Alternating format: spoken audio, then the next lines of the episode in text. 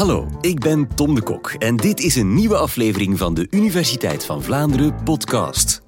Vandaag gaan we het hebben over iets waanzinnig fascinerends. Een natuurelement met een mythisch karakter. Iets wat we als mens gedurende eeuwen hebben vereerd, maar de laatste eeuwen stilaan lijken vergeten te zijn. Vuur. Filosoof Injaas de Vis heeft nog steeds een vuur dat brandt voor vuur en vertelt waarom we hier best opnieuw meer aandacht aan zouden besteden. Waarom moeten we nadenken over vuur? Dit is de Universiteit van Vlaanderen.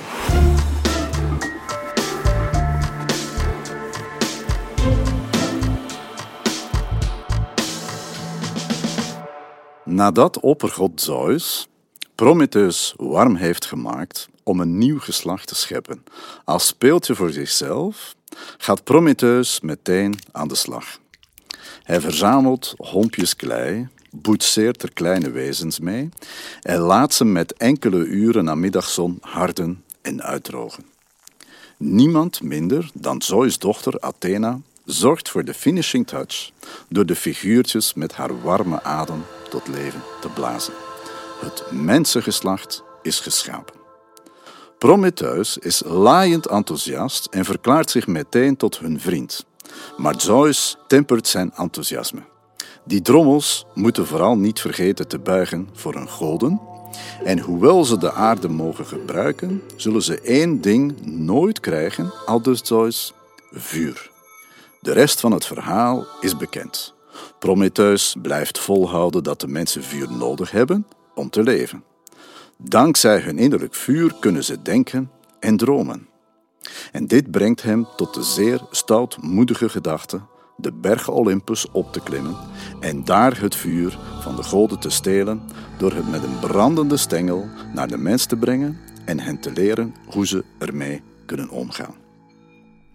Deze daad van hoogverraad vergeldt Zeus met een gefaseerde wraakoefening Eerst bedenkt hij een list door nog een mens te maken, Pandora, en deze wonderschone vrouw naar de aarde te sturen vergezeld van een geschenk. Een aardewerken pot die ze niet mag openen, want die zit vol met kwaadaardig gebroed dat onheil over de mens zal uitstorten. Pandora kan aanvankelijk het verlangen die pot te openen nog weerstaan, maar zwicht uiteindelijk toch.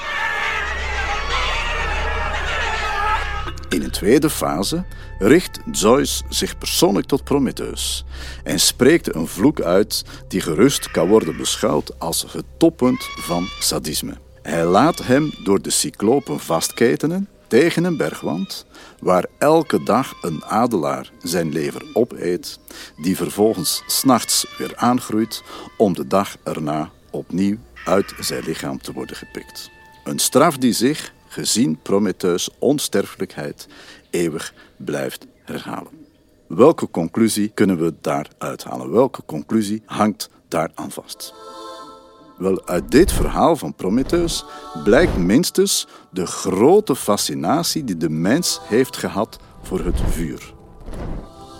En ook de zware straffen die de goden daarvoor hadden voorzien, met als zeer duidelijke boodschap Vuur is geen speeltje, dus blijf er vanaf. De hele vraag is: wat doet het vuur met ons? De moderne mens, wij dus, hebben het vuur getemd en lijken alles onder controle te hebben. Nu, dat lijkt vooral de ideale aanloop te zijn om vooral geen boek over vuur te schrijven in de 21ste eeuw. En toch heb ik dat gedaan. Waarom moeten we volgens mij vandaag over vuur nadenken? Vuur is in ons leven banaal geworden. We kennen het alleen nog van de barbecue en het haardvuur of achter glas. Tegelijkertijd is vuur de motor van onze energietoevoer. Nog steeds. We verbranden nu al twee eeuwen fossiele gesteenten, en dat heeft ons vrijheid en vooruitgang opgeleverd, maar helaas kennen die verbrandingsprocessen ook een keerzijde. Ze maken onszelf en het milieu ziek. Daarom, onder meer daarom, is het meer dan dringend tijd om opnieuw over vuur na te denken. Zelf ben ik bij het thema vuur uitgekomen dankzij een quote van een Duitse filosoof, Peter Sloterdijk. Nu, Duitse filosofen zijn erom bekend wel eens duistere quotes aan te leveren, en deze is er ook niet naast. Wat schrijft Sloterdijk? We moeten de zon herinterpreteren. Einde citaat. We moeten de zon herinterpreteren. Vraagteken. Voor mij alvast een vraagteken. Tijdens diezelfde periode, toen ik Sloterdijk aan het lezen was, was ik ook een aantal fragmenten van een van de eerste, oudste Griekse filosofen, Herakleitos, aan het herlezen. En diezelfde Herakleitos, van wat tenminste van zijn werk is bewaard, die heeft het zeer nadrukkelijk over vuur.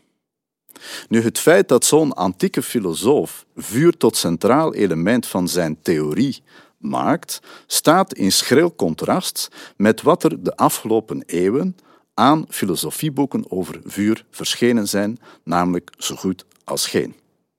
Het heeft er dus alle schijn van dat wij niet meer over vuur hebben nagedacht, net omdat we dachten alles onder controle te hebben. Hadden wij immers niet het vuur getemd.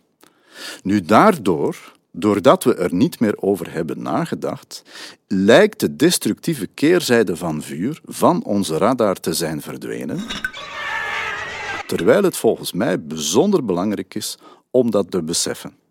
We hebben namelijk vuur nodig om energie op te wekken, maar wanneer we dat alleen kunnen doen via fossiele verbranding, dan lijkt dat toch een doodspoor waar we dringend iets moeten aan veranderen. Dus de vraag, of minstens mijn vraag die ik stel in mijn boek, wat doen we daarmee? Hoe gaan we daarmee om? Hoe kunnen we ons anno 2021 tot het vuur verhouden? Of nog breder gesteld, hoe verhoudt de mens zich tot het energievraagstuk? Nu, deze vraag kun je stellen via allerlei perspectieven. Je kunt dat stellen als ingenieur, je kunt er een politiek debat over houden, je kunt als milieuexpert die vraag gaan stellen, maar ik ben geen van deze drie. Ik ben een filosoof en ik zal proberen om vanuit mijn discipline een bijdrage te leveren aan dit debat. Ik doe dit door de geschiedenis in te duiken en na te gaan hoe we als mens hebben nagedacht over vuur en wat we daar vandaag kunnen uitleren. En dus overloop ik een aantal momenten uit de cultuur-filosofische geschiedenis van vuur, een zeer rijke en overvloedige geschiedenis. Ik selecteer een aantal wat ik noem vuurnarratieven, verhalen over de wijze waarop de mens over vuur heeft nagedacht. En ik geef telkens een voorbeeld daarbij. Ten eerste vuur in oude mythes. Bij de meeste oude culturen bestaat er een of andere vuurmythe. Een mythe die het ontstaan van de wereld beschrijft en waarbij het sterk opvalt dat vuur daarbij een bepalende rol speelt.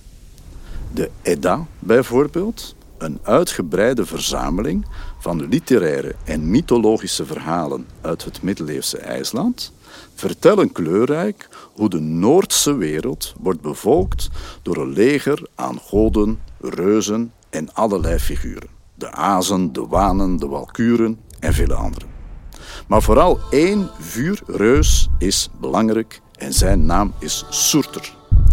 Nu, Surter bewaakt niet alleen het land waar de reuzen wonen.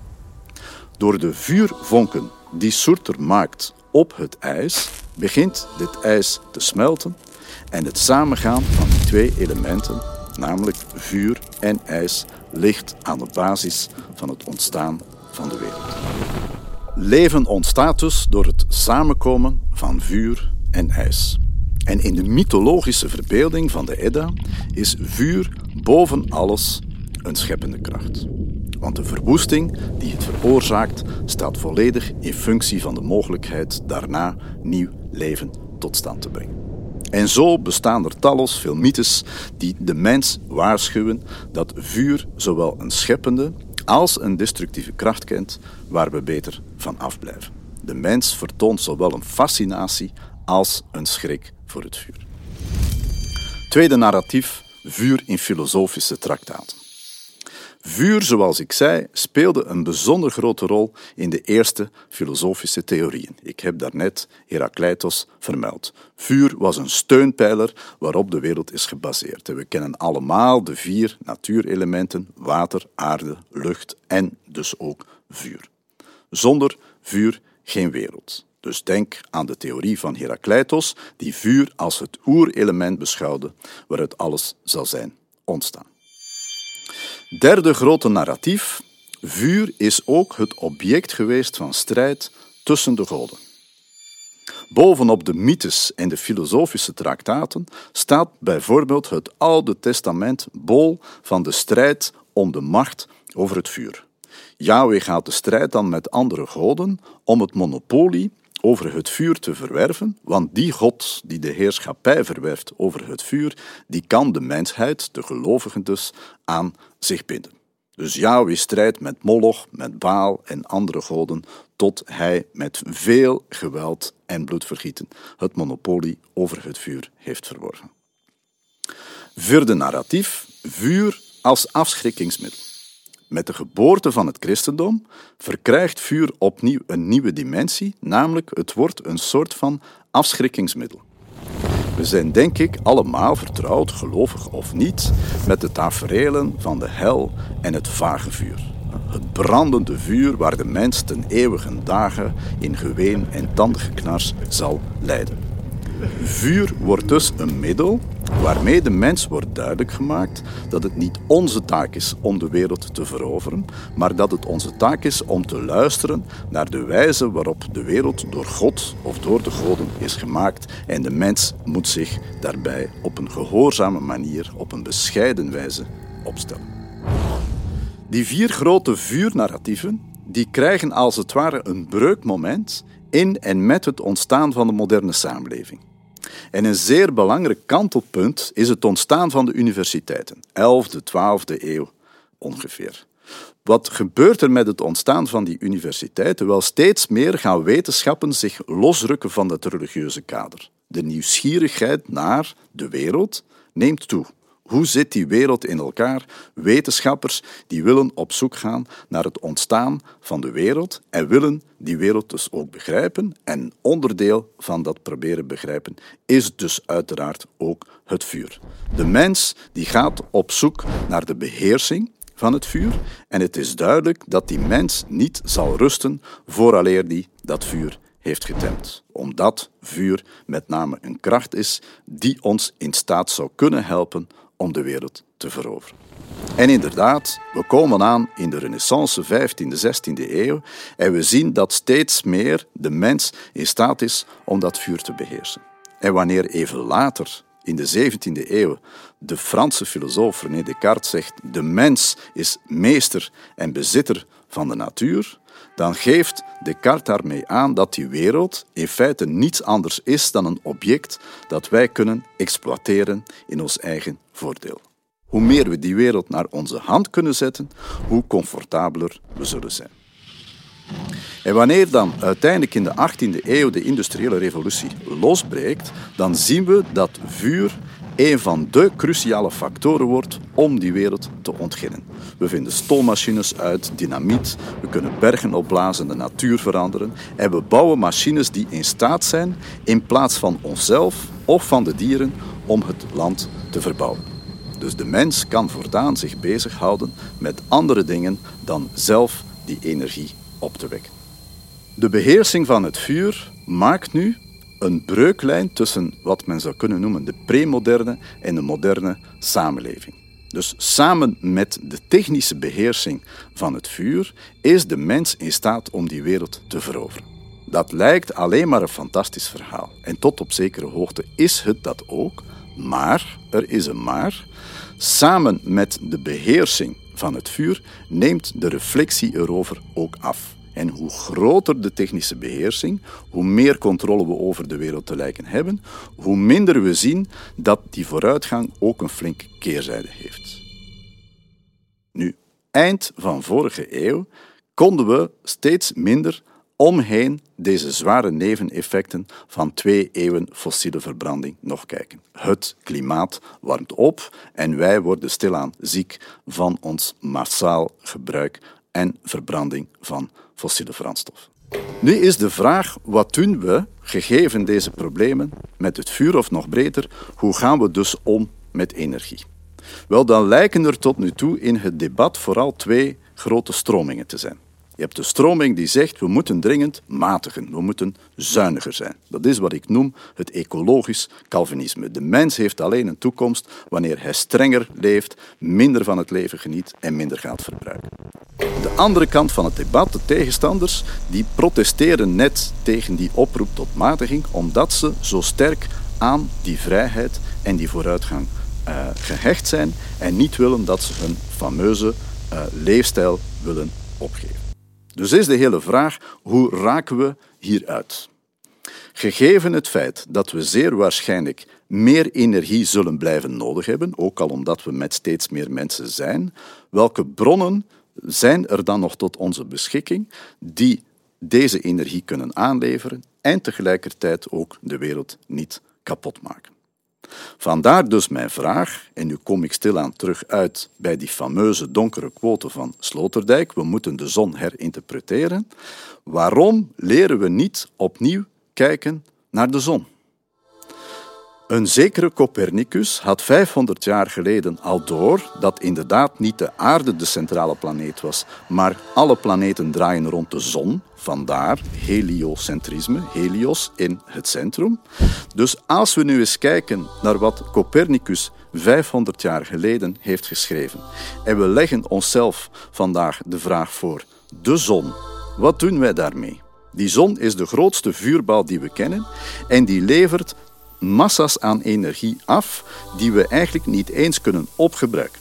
Die zon die hangt daar boven ons, die stoot vele malen energie af en die moeten we niet beginnen opgraven, moeten niet diep in de aarde gaan woelen om die energie vrij te krijgen. Die hangt daar gratis en voor niets. Dus is mijn pleidooi, waarmee ik mijn boek eindig, een pleidooi om onze wetenschappelijke verbeeldingskracht meer dan tot nu toe het geval is, naar de zon te laten uitgaan. Niet dat ik de eerste ben, maar ik wil er in 2021 toch op wijzen dat bijvoorbeeld de fameuze uitvinder Thomas Edison in 1931 tegen Henry Ford zou hebben gezegd, begin citaat, ik zou mijn geld inzetten op de zon en zonne-energie. Wat een krachtbron. Ik hoop dat we niet moeten wachten tot steenkool en olie zijn uitgeput voordat we hiervan gebruik maken. Einde citaat, 19 31. Uiteraard hadden we toen al een stukje van de technologie voorhanden, maar nog niet zoals we die vandaag kennen. Dus gegeven het feit dat we eigenlijk de technologie die we hebben verder zouden kunnen gebruiken, is het misschien wel de vraag: wordt het niet dringend tijd dat we het vuur en de zon opnieuw centraal plaatsen in ons wereldbeeld en van daaruit de vraag stellen: kan misschien de zon ons hieruit redden? Dankjewel voor deze uh, fantastische uiteenzetting, waar, waar erg veel in zit. Hè. Ik, ik zou willen beginnen bij um, ja, de vaststelling dat onze omgang met vuur misschien wel... Het is, het is misschien de ultieme metafoor voor um, menselijke hubris. We, ja, we denken dat melk in uh, brikken aan de bomen groeit en we denken dat vuur dat dat inderdaad iets is dat in de vuurkorf thuis hoort. We zijn we zijn onze binding met onze roots volledig kwijtgeraakt. Maar is dat een probleem? Dat hoeft op zich geen probleem te zijn, in die zin dat we denk ik onvermijdelijk afstevenen op een bestaan waarin technologie per definitie een zeer grote rol zal spelen. Dus mijn pleidooi bestaat er niet in om zoals laten we zeggen, een aantal stromingen, onder meer in het ecologische gedachtegoed, wel prevaleren. We moeten terug naar de natuur, we moeten de binding met de natuur verstevigen. Twee fameuze tegenargumenten die ik daartegen inbreng. Eén, mochten we nu gewoon terug naar de natuur gaan, dan zal er geen feest losbarsten, want die natuur is ook geen feest zonder dat wij daar allerlei, laten we zeggen, uh, uh, um, ja, impact op hebben. Hè? Uh, ook zonder de mens zijn er vulkaanuitbarstingen en is het niet altijd even fijn. En twee, Gegeven het feit dat we nu eigenlijk vandaag als mens de belangrijkste diersoort op deze planeet zijn geworden, dan zullen volgens mij niet anders kunnen dan van onze technologie, waar we nu over beschikken, massaal te moeten gebruik van maken om hier uit te redden. Zoals ik al zei, we zullen energie nodig hebben. Die zal vrij massaal moeten worden aangeleverd. En tenzij we dus inderdaad allemaal als hoge priesters gaan leven op een zeer ascetische manier. En dan nog, denk ik dus dat we inderdaad meer energie zullen nodig hebben. En ik zie niet in dat we op een andere dan via de technologie een manier zullen moeten vinden om uit dat dode spoor weg te raken. Ik ben ook nog niet heel vaak getuige geweest van een filosofische uiteenzetting die zo concreet zonnepanelen probeert te verkopen. ben je al gecontacteerd door sponsors? Die... Nee, maar je, je, je pleidooi inderdaad voor het, um, voor het gebruik van die alternatieve technologieën is wel zeer opvallend. Heb je zelf zonnepanelen? Uh, nee, ik heb er geen. ik heb ooit nog een leverancier gecontacteerd, maar toen bleek de helling van mijn dak niet aan het juiste formaat te zijn om ze rendabel te maken. Om dan, om dan terug even naar dat filosofisch te gaan, naar de mythologie, uh, naar het verhaal rond vuur, waar je duidelijk zo door gefascineerd bent. Het is wel opvallend dat uh, vuur in de loop der millennia door elke religie en elke ideologie gekaapt is. Iedereen heeft het gebruikt. waarom is vuur zo'n perfecte metafoor? Ja, het, het, is inderdaad zo. Want ik heb mij in de allereerste plaats suf gelezen aan allerlei mythes. Want ik dacht, oké, ik moet mijn research grondig doen. Dat heb ik mezelf behoorlijk beklaagd. Want wereldwijd kom je mythes tegen waarin je telkens datzelfde motief aanwezig ziet. En ik denk dat een van de verklarende elementen daarvoor is, is dat vuur zo'n overweldigende kracht heeft. Namelijk, het is in staat om, om ja, toch op, op een kleine ruimte allerlei vormen van energie op te wekken. Maar het biedt ook een enorme beschermende kracht. Het biedt warmte, het biedt comfort, het kan de wilde dieren wegjagen en zo verder. Dus die fascinatie voor vuur als zeg maar stichtend element van de wereld is denk ik niet toevallig, vandaar dat je het wereldwijd ook terugvindt. Het is niet zomaar even iets dat te maken heeft met je cultureel perspectief op een aantal dingen. Het is echt een bindend element van deze wereld. En mijn pleidooi bestaat er inderdaad in, vandaar mijn oproep. We moeten er opnieuw over nadenken dat is dat het niet is omdat je vuur onder technische controle hebt, dat je alle krachten die vuur kan opwekken ook mee onder controle krijgt. Dus vuur is wel degelijk nog in staat om een groot stuk van de wereld kapot te maken, inclusief onszelf. Vandaar mijn belangrijk punt die, die, die grote les uit de oude mythes, die hadden minstens dat scherpe inzicht dat ondanks de controle die de mens had, de fascinatie die de mens had voor dat vuur, er ook iets zeer destructiefs aan dat vuur was gekoppeld. En wij lijken dat als moderne mensen een stukje te zijn vergeten, omdat die techniek ons zoveel heeft opgeleverd.